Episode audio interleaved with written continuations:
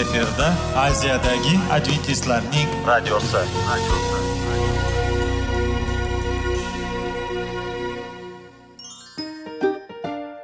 Assalomu alaykum aziz radio tinglovchilar. Sog'liq daqiqasi rubrikasiga xush kelibsiz. Zero tananing sog'lom bo'lishi va uning kasalliklardan saqlash har bir insonning burchi hisoblanadi. Inson uchun bebaho boylik bu sog'liq salomatlikdir. Uni asrash esa har birimizga omonat qilib berilgan. Shuning uchun ham inson o'z sog'lig'ini ehtiyot qilishi voajib amallardan hisoblanadi. Dono xalqimiz sog'liq tuman boylik deb bejiz aytmagan. Aql idroq sohibi bo'lgan inson o'z hayotini qadrlashi lozim bo'ladi. Hozirgi kunda qanchalik dori darmonlar ko'paymasin tibbiy muassa sifati shifokorlar vasiyasi tibbiy texnika yaxshilanmasin. Agar insonning o'z salomatligi haqida qayg'urmasa kutilgan natijaga erishib bo'lmaydi va biz sizlarga bizning dasturimizga xush kelibsiz deymiz.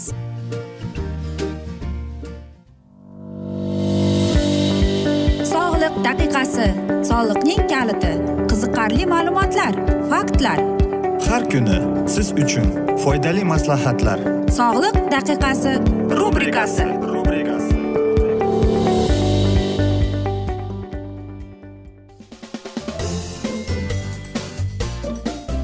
assalomu alaykum aziz radio tinglovchilar. Dasturimizga xush kelibsiz va bugungi bizning dasturimizning mavzusi bu sog'liq formulasi deb ataladi. Va bugungi bizning tanlagan mavzuyimiz bu hayotni o'zingiz tanglang deb ataladi va albatta sog'lom odam bu yaxshi lekin bizda o'zbeklarda maqol bor. Sog'lom odam eng boy odam hisoblanadi. Qarangki ro'yxatda yuzta odam bor deydi. Ular eng uzoq umr ko'rgan odamlar. Bir yuz o'n uch yoshdan to bir yuz yigirma ikki yoshgacha yashaganlar. Ikki ming o'n to'rtinchi yilning boshida ulardan faqat oltitasi hayot qoldilar deydi. Ishonchimiz komilki kelgusi bu ro'yxatda boshqa nomlar paydo bo'ladi. Axir tibbiyot xodimlari kelgusi o'n yilliklarda inson hayotining uzayishi o'zgarib va ularni o'zgarishga va'da bermoqdalar. Lekin mana shu joyda savol keladi. Bu mumkinmi? Agar shunday bo'lsa demak bu mo'jiza hisoblanadi. O'zingiz ham uzoq va yaxshi yashashingiz uchun nimalar qilishingiz mumkin bo'ladi? Ayni paytda egizaklarning sog'lomligini tadqiq qilish uchun shuni ko'rsatmoqdaki inson hayotining yigirma yoki o'ttiz foizga o'zgartirishi genetik omillarga bog'liqligini ko'rsatmoqda deydi. Boshqa tadqiqotlar esa uzoq umr ko'rish ko'p hollarda hayotni qanday o'tkazishga bog'liq deb aytmoqda. Albatta biz hozir hammamiz bilamizki sog'lom turmush tarzi bu urfga kirib qolgan yoki sog'lom ovqatlanish. Ya'ni sog'lom ovqatlanish deganda biz sizlar bilan tushunamizki bu e, go'shtsiz ovqat to'g'ri va qovurilmagan ko'proq sabzavot va mevalardan iborat deb ataladi.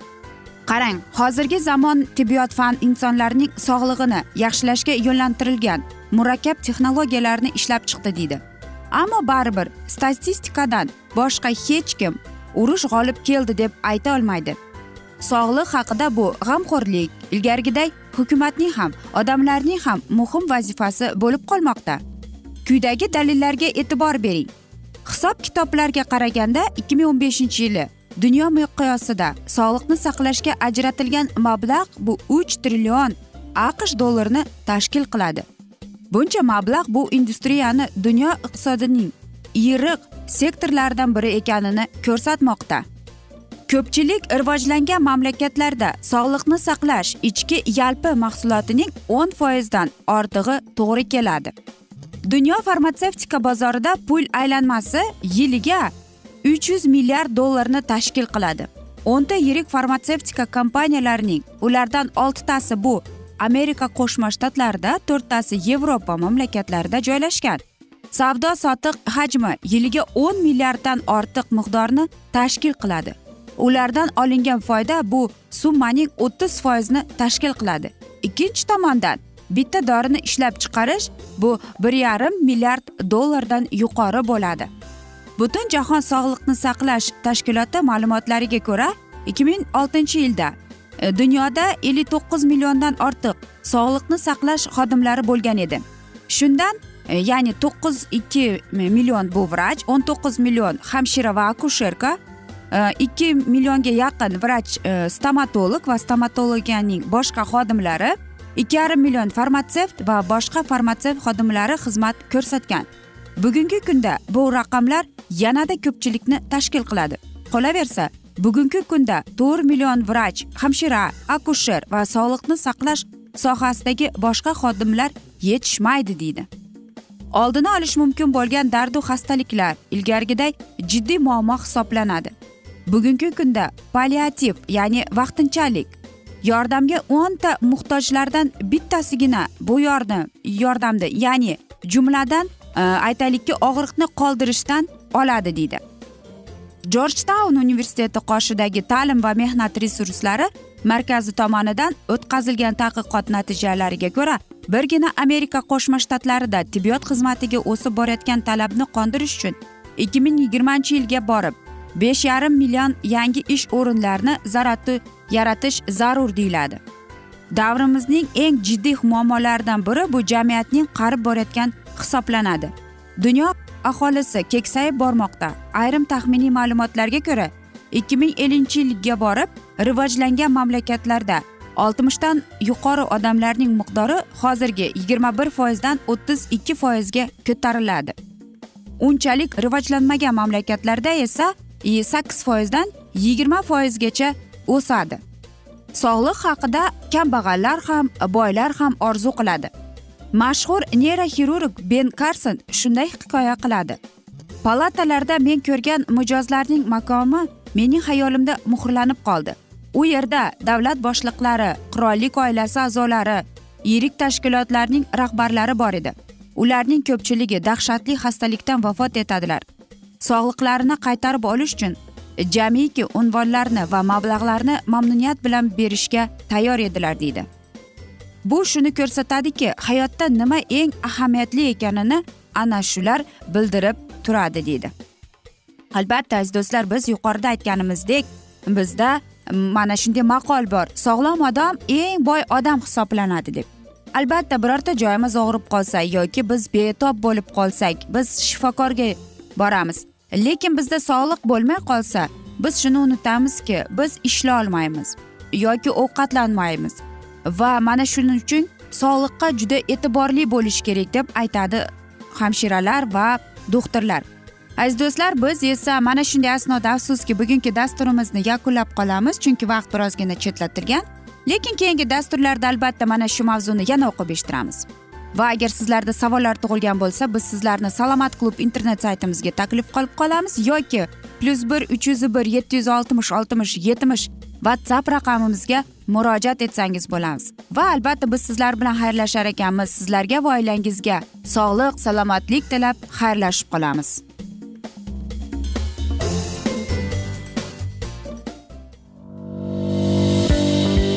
Sog'liq daqiqasi. Soliqning kaliti. Qiziqarli ma'lumotlar faktlar. Har kuni siz uchun foydali maslahatlar. Sog'liq daqiqasi rubrikasi.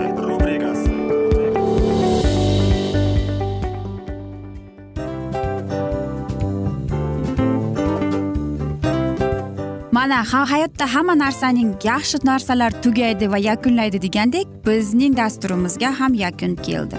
O'ylaymanki bizning dasturimiz sizga foydali bo'ldi deb aziz radio tinglovchimiz. Va siz o'zingiz uchun kerakli xulosalar kerakli maslahatlar olib oldingiz. Aziz radio tinglovchimiz biz bilan qoling va keyingi dasturlarimiz albatta undanda qiziqroq bo'ladi. Mana shu alfozda sizlar bilan xayrlashib qolaman.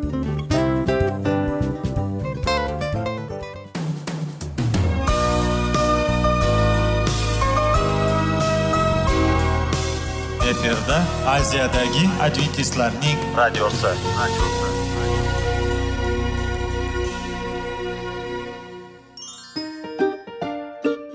Assalomu alaykum aziz radio tinglovchilarimiz. Dil izhori dasturimizga xush kelibsiz. Pul insonni baxtli qiladimi? Albatta yo'q. Sog'liqchi. Albatta bo'lishi mumkindir. Lekin olimlar shuni isbotlashdiki to'liq va mukammal munosabatlar insonlarni baxtli qilar ekan. Albatta biz hayot davomida biz yaqin insonlar bilan odamlar bilan aloqada bo'lamiz va ular bilan munosabatlarimiz qanday kechadi qanday tuziladi? Yigit va qiz er va xotin ota ona va farzandlar va yaqin insonlar bilan. Balkim hozirgi vaqtda kimnidir hayoti yoki munosabatlari buzilyapti. Va bizning dasturlarimiz ularga yordam bo'ladi deb. Va oldinda sizlarni qiziqarli intervyular va mavzular kutyapti va biz umid qilamizki siz biz bilan qolasiz deb.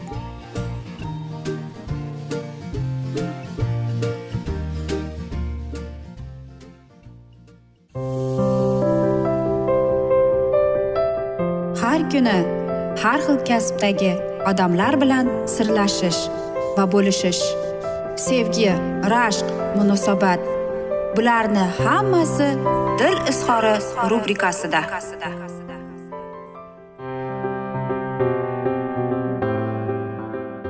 Assalomu alaykum aziz radio tinglovchilar. Dasturimizga xush kelibsiz. Va bizning bugungi dasturimizning mavzusi bu oltin qo'llar deb ataladi. Va bugungi dasturimizning mavzusiga alvido ota deb ataladi. Bu bir jarroh haqida. Amerikada ben karson degan buyuk jarroh bor va u o'z e, mana shu jarrohlikka qanday kelgani haqida va uni nega mana shu ilhomlantirgani haqida. Va qolaversa unga mana shu jarrohlikka qiziqish qayerdan paydo bo'lgani haqida sizlarga avtobiografiya haqida suhbat qilib o'qtirib eshitmoqchimiz. Sizning otangiz boshqa biz bilan yashamaydi. Yo'q yo'q nega yashamaydi deb. Va men tushunmas edim onam nega shunday deyayotganini axir men otamni sevamanku. U se u ham seni sevadi beni faqat u ketish kerak. Va hech qachon qaytmaydi. Nima uchun? Men xohlamayman uni ketishini. Biz bilan yashasin biz bilan qolsinchi? Ammo unga ketish kerak deydi. U ketishni nega istayapti balki men birorta narsani noto'g'ri qilgandirman deydi. Yo'q beni unaqa emas dadang seni sevadi. Men yig'lab yubordim. Sen hamma narsani qilgin otang qaytish uchun dedim onamga.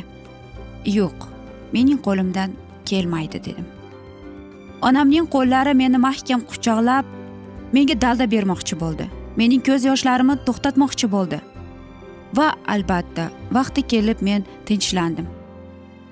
Ammo lekin men tinchiganimdan keyin onamga ketma ket savollar berdim.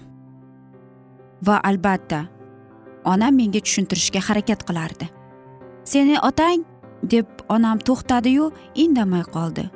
Va men o'yladim balkim kerakli so'zlarni izlayotgandir qanday qilib aytsam ekan deb. Beni seni otang juda noto'g'ri ish qilgan. Bu eng yomon ish deb aytadi. Axir sen uni kechirishing kerak. U qolsin deb yana yig'ladi. Yo'q beni bu yerda kechirimda emas. Ammo lekin men xohlayman otam biz bilan qolsin. Kurtis sen bilan men bilan qolishini istayman ona dedim. Lekin onam baribir mana shu narsani qayta qayta menga tushuntirishga harakat qildi. Nega otam ketayotganini lekin men sakkiz yashar bola shu narsani tushunarmidim. Hattoki hozir yillar o'tgan sari men orqaga ko'z yugurtiraman ekan. Man hech narsa deyolmayman. Faqat tushunamanmikin uni ketishini uydan ketganini sababini tushunamanmikin albatta men e, hamma narsani anglab yetdim. Ammo lekin bu narsa haqida men umuman o'ylashni istamas edim. Onamning so'zlaridan otang uyga qaytmaydi deganda mening yuragim parchalandi. Axir men uni qanchalik sevar edim. Otam men bilan judayam yaqin edi. Albatta u ko'p e, uyda bo'lmas edi ammo lekin u men bilan o'ynar edi. Va albatta onam aytdi bu yomon bizga xulq atrofini ko'rsatdi. U kechirim bo'lmas xato qildi deb aytdi. O'sha kuni men kechasi bilan mijja qoqmay otamni ketish qaytishini kutdim. Va bilasizmi onamga hattoki balkim joniga ham tegib ketgandirman. Soat nechi bo'ldi soat nechi bo'ldi deb. Bir ming to'qqiz yuz ellik sakkizinchi yilda men sakkiz yashar bola edim. Albatta men uchun hamma narsa tugadi. Otam uydan chiqib ketdi.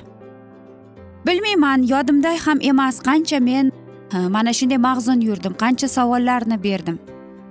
Albatta men mana shu haftalar davomida onamga hujum o'tkazib nega otam men bilan emas nega sen uni xohlamaysan biz bilan qolishni? Axir u yaxshiku undan kechirim so'r u kechirsa kechirmgin deb aytib qancha qancha o'tdi. Ammo lekin shunday bo'ladi. Va bilasizmi men onamga aytdim ona va ota birga bo'lishi shart. Axir ularning bolalari bor deb aytdim. Albatta dedi onam ammo lekin hayotda biz xohlaganday bo'lavermaydi degan javob keldi. Baribir tushunmayman nega shunday bo'lganini. Men e, ko'p marotaba otam biz bilan qanday munosabatdaligini yodimga qo'yardim. Albatta yakshanba kunlari u meni ukam bilan mashinada o'ynatib kelardi. Biz ko'plab e, odamlarga mehmondorchilikka borardik. Ammo lekin bir oilani doimo mehmonga borardik. Lekin vaqti o'tib men tushunib yetdimki u buning yangi oilasi. Albatta bilasizmi o'sha mahali men tushunmasdim lekin hozir tushunib yetyapmanki mening onam e, shuncha yildan beri otam onamni aldab kelib va uning oilasi borligini bilib qolgan va shuning oqibatidan ular ajralib ketgan. Albatta.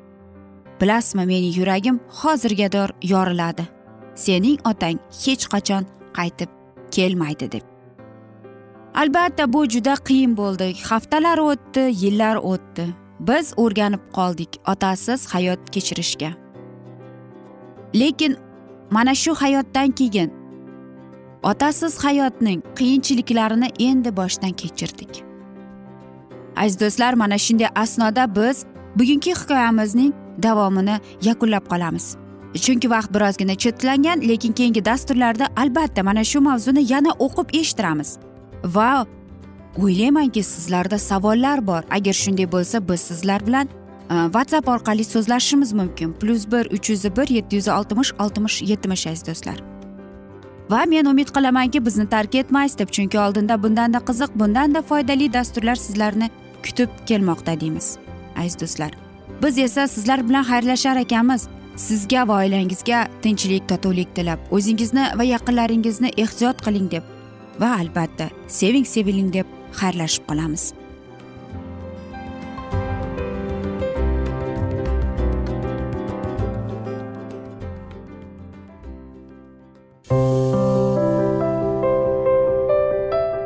Har kuni har xil kasbdagi odamlar bilan sirlashish va bo'lishish. Sevgi rashq munosabat bularni hammasi dil izhori rubrikasida. Mana aziz radio tinglovchimiz bizning go'zal va foydali va chiroyli dasturimiz yakunlanib bormoqda. Sizlarga birozgina maslahat berib o'tmoqchi edik. Bir biringizni seving qadringizga yeting va erkalang albatta bir biringizni va sizga judayam chiroyli va mustahkam munosabatlar tilab qolamiz albatta. Sevgilingiz doimo yoningizda bo'lsin. Mana shu borada sizlar bilan xayrlashib qolamiz. Xayr.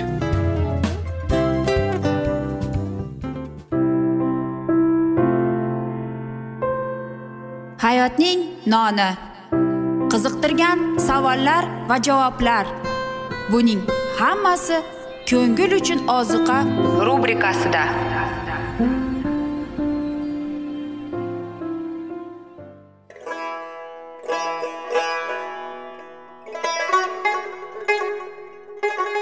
Assalomu alaykum aziz radio tinglovchilarimiz. Ko'ngil uchun oziqa rubrikasida xush kelibsiz deymiz. Siz haqiqatni izlayapsizmi? Olamnimi? Umidnimi? Siz kimga murojaat qilmoqchisiz? Odamlar ko'pincha siyosat kuchiga tayanadilar. Dunyo iqtisodiyoti holati tobora chuqurlashib bormoqda. Tabiiy ofatlar va texnogen halokatlar minglab insonlarning hayotini olib ketib juda katta zarar yetkazmoqda. Sizga abadiy hayot inomini hadya qiluvchi va hayotingizni tubdan o'zgartiruvchi haqiqatni izlab toping. Xudo haqidagi haqiqat uning kalomida mujassamlashgan. Kimki bu haqiqatni butun qalbi bilan izlasa albatta unga yetishadi. Bu sevgi xudoning tarixidir. Hayotingizda yoki sizning yon atrofingizdagi olamda nimalar yuz berishidan qat'iy nazar? Siz ertagi kunga buyuk umid va ishonch hosil qilishingiz mumkin.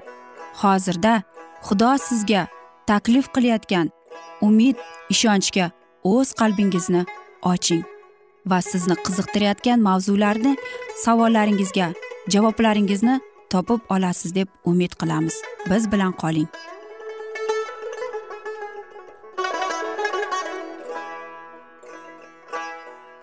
Assalomu alaykum aziz radio tinglovchilar. Dasturimizga xush kelibsiz va biz sizlar bilan ulug' otalar va payg'ambarlar degan dasturni o'qib eshittirishni boshlagan edik.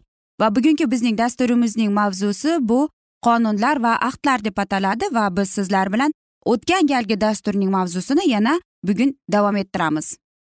Boshqa shartnoma yozuvlarda qadimgi ahd deyilib xudo va isroil orasida bog'langan. U qurbonning qoni orqali tasdiqlanardi. Ibrohimning ahdi masih qoni bilan tasdiqlangan edi va ikkinchi yoki yangi ahd degan nom oldi. Chunki u qon orqali muhrlangan. Qon esa birinchi ahdning qonidan keyin to'kildi. Ibrohim kunlarida ham yangi ahdning kuchda bo'lganligi shundan belgiliki u vaqtda ahd nazr sifatida tasdiqlangan edi va ikkinchi tomondan xudoning qasami orqali bu ikki buzilmas dalil bilan xudo yolg'on gapirmasligi isbotlanadi. Ammo agar ibrohim bilan bog'langan ahd o'ziga qo'lga kiritish nazarni olgan bo'lsa nima uchun sinayda boshqa ahd tuzildi? Qullik davrida xalq haqiqiy xudo to'g'risida va ibrohim bilan bog'langan ahdning asoslari to'g'risida ko'pincha bilimini yo'qotdi. Yahudiylarni misrdan xalos qilganida xudo ularga o'z qudratini va iltifotini ochishga orzu qilardi toki uni sevsinlar unga ishonsinlar deb. Xudovand ularni qizil dengiz oliga dengiziga olib keldi. Masihiylar ularning ketidan quvlaganlarida yahudiylar nobud bo'lishlarini ko'rib o'z tamomila kuchsizliklarini tan olib ilohiy yordamga muhtojlikda uni chaqirdilar va shunda ularni xalos qildi. Ularning yuraklari xudoga intilgan holda sevgi va minnatdorchilikda to'lib toshdi va ular ilohiy kuch qudratiga ishondilar. Shunda ular uchun yerdagi qullikdan qutqargan xaloskori bo'ldi. Ammo ularning ongida muhrlashga zarur bo'lgan yanada ulug'roq haqiqat mavjud edi. Majusiylar aro yomon ehtiroslar havosida yashab ular xudoning muqaddasligi to'g'risida o'z qalblarining haddan gunohkorligi to'g'risida ilohiy qonunga bo'ysunish uchun o'zlarining to'liq kuchsizligi va najotkorda muhtojliklari to'g'risida haqiqiy tasavvurdan mahrum edilar. Bularning hammasiga ular o'rganishlari kerak edi. Xudo ularni sinayga olib keldi. Ularga o'z ulug'vorligini namoyon qildi o'z qonunini berdi va unga bo'ysunish shartida ularni buyuk inoyatlarga sazovor qilishga va'da qildi. Agar mening ovozimni sizlar tinglasanglar va mening ahdimga rioya qilsanglar shunda siz menda shohanshoh ruhoniylari va muqaddas xalq bo'lursiz. Odamlar o'z gunohlarini anglamas edilar masihdan tashqari ilohiy qonunni bajara olmasliklarini tushunmas edilar va ular shoshilib xudo bilan ahd bog'ladilar. O'zlarida shaxsiy sadoqatni namoyon qilish uchun qurbi yetarli deb sanab o'tar. Xudovand aytgan hammasini qilamiz va itoatli bo'lamiz dedilar. Tantanali yuksallikda ilohiy qonun e'lon qilinganligini o'z ko'zlari bilan ko'rib ular tog' poydevori yonida turib dahshatdan larzaga tushgan edilar. Ammo lekin bir necha hafta o'tganidan keyin xudo bilan bog'langan ahdni buzdilar va qo'yilib yasalgan sanamga sajda qildilar. Ilohiy lutfi qaramiga yetishishga ularning ko'zi yetmasdi. Endi o'z gunohkorligini va kechirimda muhtojligini tushunib ular ibrohimning ahdida va qurbon keltirish evaziga ochilgan najotkorda o'z zaruratini anglatdilar. Endi ularning sevgisi va ishonchi xudoga ularni gunoh qo'lligidan qutqaradigan xaloskorga intildi. Hozirgi vaqtda ular yangi ahdning inoyatlarini qadrlab qabul qilishga tayyor bo'ldilar. Qadimgi ahdni amal qilib odam ular orqali tirik bo'lishi uchun shartnomasi shundan iborat edi. Bo'ysun va hayot kechir. Kim ushbu qonunga amal qilmasa va uning asosida yashamasa la'nat bo'lsin. Yangi ahd afzal nazrlarda bog'langandi. Yurakni yangilab uni ilohiy qonunning asoslari bilan uyg'unlikka olib kelishi uchun u gunohni kechirish nazrlarida va ilohiy iltifotida bog'langan edi. Mana men o'tgan kunlardan keyin isroil xonadoni bilan bog'laydigan ahdim dedi xudovand qonunimni ularning ichiga kiritaman va ularning yuraklariga yozib qoldiraman. Ularning qonunsizliklarini men kechiraman va gunohlarni endi hech qachon esimga olmayman deydi. Havoriy pavel yangi ahdda e'tiqod va qonun orasida bo'lgan aloqani juda aniq ko'rsatmoqda. U deydi rabbimiz iso masihga bo'lgan iymonimizni inobatga olib xudo bizni oqladi va biz u bilan sulh deydi. Xudovand kuchi inson ehtiyojlariga munosib. Hozir yoki boshqa vaqtdami turli darajada va har qanday ravishda namoyon bo'lsa ham u butun vaqtlarda baravar harakat qiladi. Birinchi injilning nazridan boshlab bobokonalarimiz va yahudiylar davri mobaynidan va biz yashayotgan kunlargacha insoniyatni qo'lga kiritib forig' qilish rejada ilohiy niyatlari sekin asta amalga oshmoqda deydi. Xudoga bo'lgan sevgining buyuk negizlari asoslangan ekan. Ular muso orqali yahudiy xalqiga murojaat qilingan ilohiy so'zlarning takroridir. Tingla isroil xudovand bizning xudoyimiz. Yagona xudovanddir. Xudoyi xudovandingni butun qalbing bilan butun joning bilan va butun kuchlaring bilan sevgin. O'zgani o'zing sevgan kabi sevgin. Ikkala qonun bizga biz bir ustoz orqali berilgan. Ilohiy talablar tanhodir. Hokimiyatning asoslari birday. Zero hamma narsada hech qanday o'zgarish yo'q. O'zgaruvchan qullanka ham yo'q va hamma narsa azaldan bo'lgandan keyin kelib chiqmoqdadir deydi. Aziz do'stlar mana shunday bo'lgan e, mavzu bo'ldi va albatta buning davomini keyingi dasturlarda yana o'qib eshittiramiz. Va sizlarda agar savollar tug'ilgan bo'lsa aziz do'stlar biz sizlar bilan whatsapp orqali davom ettirishimiz mumkin. Whatsapp raqamimizni yozib olsangiz bo'ladi. Plyus bir uch yuz bir yetti yuz oltmish oltmish yetmish aziz do'stlar. Barcha qiziqtirgan savollaringizni berib o'tsangiz bo'ladi. Va men umid qilamanki bizni tark etmaysiz deb chunki oldinda bundanda qiziq bundanda foydali dasturlar sizni kutib kelmoqda deymiz. Aziz do'stlar va sizlarga oilangizga biz tinchlik xotirjamlik tilab o'zingizni va yaqinlaringizni ehtiyot qiling deymiz aziz do'stlar. Va mana shunday kunlarda albatta seving seviling deymiz. Va sizlar bilan keyingi dasturlarda ko'rishguncha deb xayrlashib qolamiz omon qoling deymiz.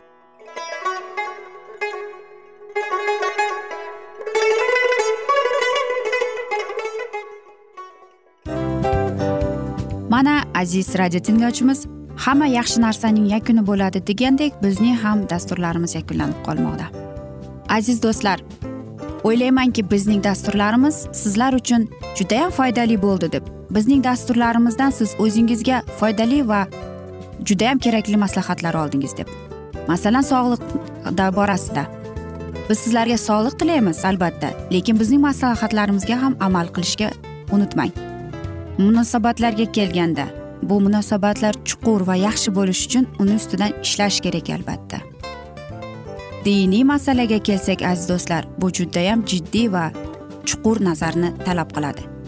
Ammo biz sizlar bilan xayrlashib qolmaymiz keyingi dasturlarda eshittirishimizni davom ettiramiz va sizlar bilan mana shu yaxshi kayfiyatda xayrlashib qolamiz. Va keyingi dasturlarda ko'rishguncha xayr!